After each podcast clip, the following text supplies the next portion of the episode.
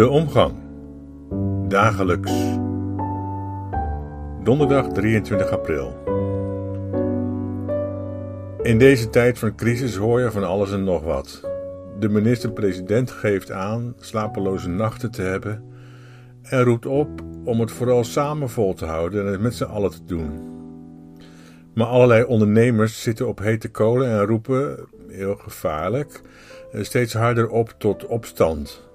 Zij willen de ouwetjes en de dikzakken opsluiten in quarantaine, die wat hen betreft wel wat langer mag duren dan de periode van 40 dagen die in het woord quarantaine zit.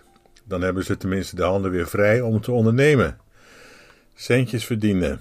Zorgen alom dus. Of Rutte is terecht verontrust en doet geen oog meer dicht, of de babyboomers voelen zich in hun spreekwoordelijke vrijheid aangetast en zinnen nu op een niet zo bijzonder zoete wraak. Ooit hoorde ik van een verre collega, een, een hele verre collega echt, hoorde ik een grapje om de zaak wat te ontspannen. Althans, dat was de bedoeling. Het gaat zo. Als er een virus rondwaart, zijn er twee mogelijkheden. Of je blijft gezond, of je wordt ziek. Als je gezond blijft, is er geen reden om je zorgen te maken, maar als je ziek wordt, zijn er twee mogelijkheden. Of je geneest, of je gaat dood. Als je geneest, is er geen reden om je zorgen te maken, maar als je doodgaat, zijn er twee mogelijkheden. Of je komt in de hemel, of je komt in de hel. Als je in de hemel komt, heb je geen reden om je nog zorgen te maken, maar als je in de hel komt, dan ben je de hele dag zo druk met het ontmoeten van al je vrienden en bekenden, dat je eenvoudig niet eens de tijd hebt om je zorgen te maken. Dus, waarom zou je je zorgen maken?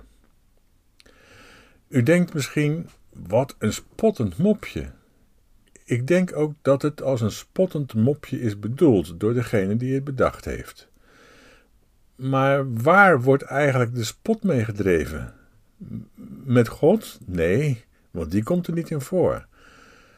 Met hemel en hel? Ja, dat wel. Maar, dat is mijn punt, is dat niet eigenlijk de bedoeling dat daarmee de spot gedreven wordt? Ik bedoel, is het niet heel dicht bij de oorsprong van de Messiaanse gemeente om daar de spot mee te drijven? Met zoiets als hemel en hel. Zijn hemel en hel wel begrippen die bij elkaar horen? Gisteren merkten we hoe de ballingen uit Babel verhalen meegenomen hebben. Verhalen om zich van de geloofsovertuigingen die in Babel gelden eh, te ontdoen. Dus van die torenbouw van Babel, die hemelbestormers, onmiddellijk naar die buitengewone versie van het Oosterse overstromingsverhaal met een bijzondere God die, die spijt blijkt te kunnen hebben. En als je een paar bladzijden teruggaat, dan merk je dat in een heel jong stuk tekst, dat van de schepping in zeven dagen, dat daar een motto boven is gezet in beginsel. Dus niet in het begin, maar in beginsel. Het principe van alles wat in de Bijbelse verhalen wordt verteld is: de Heer is de schepper van hemel en aarde. Hemel en aarde, die begrippen horen in de Joodse Bijbel bij elkaar. Hemel en hel waren Persische religieuze ideeën waarbij de een een eeuwige beloning betrof en de ander een eeuwige straf. Je kwam na dit leven op aarde volgens de persen of voor eeuwig in de hemel of voor eeuwig in de hel. Maar Israël wil daar iets tegenin zeggen, waarbij de richting verandert. Daar komt de hemel naar de aarde. Daar is de hemel de belofte voor de aarde. Waarom? Omdat de slaven die zuchten onder de ballingschap, die onder de Babyloniërs, zeg maar de Persen, misschien iets minder wreed was dan onder de Assyriërs, waarbij van het tienstammenrijk geen levende ziel ooit is teruggekeerd, maar in dat lot van pogroms en razzia's, deportaties en vluchtelingenkampen hadden zij, de Hebreeën, zoveel hel om zich heen dat ze, dat ze met zo'n Persisch beeld van belonen en straffen niet veel konden. Ook niet veel wilden trouwens.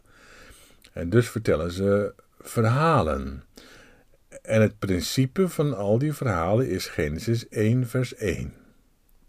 Als er ooit boze soldaten komen en die voeren u af, en u heeft nog een seconde de tijd om een snippertje in uw kleding te verstoppen, dan moet u Genesis 1, vers 1 uit uw Bijbeltje scheuren en meesmokkelen. Jezus van Nazareth heeft deze teksten allemaal heel goed gekend en hij doet iets opvallends.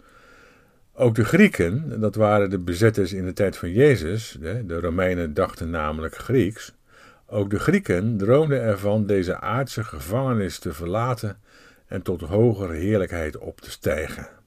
Natuurlijk waren er Grieken die daar kritische verhalen bij vertelden, zoals het verhaal van Icarus.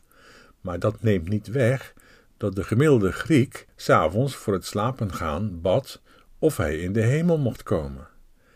Jezus leert andersom te denken en wel tamelijk radicaal, om zo te blijven bij het verhaal van de slaven, die de slavernij ervaren als de hel, niet na dit leven, maar er middenin.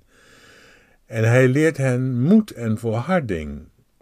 Ontsnap aan het je zorgen maken, want zolang je je zorgen maakt, ben je zwak en kansloos tegenover degene die het op jou gemunt heeft. Sta op en wees dapper. Wijs deze hele bliksemse bende af door eenvoudigweg te zeggen: Uw koninkrijk komen. Bid, uw koninkrijk komen.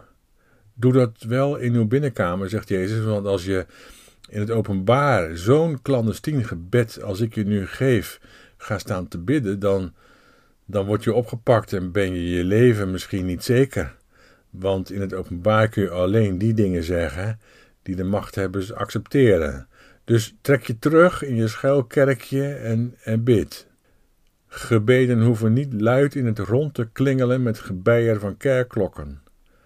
Uw vader, die hemel en aarde aan het scheppen is, hoort je als je schuilt en dan bidt. Niet mag ik in uw hemelse koninkrijk komen, want daar hoef je niet om te bidden. De hemelse vader weet wat je nodig hebt voordat je hem bidt.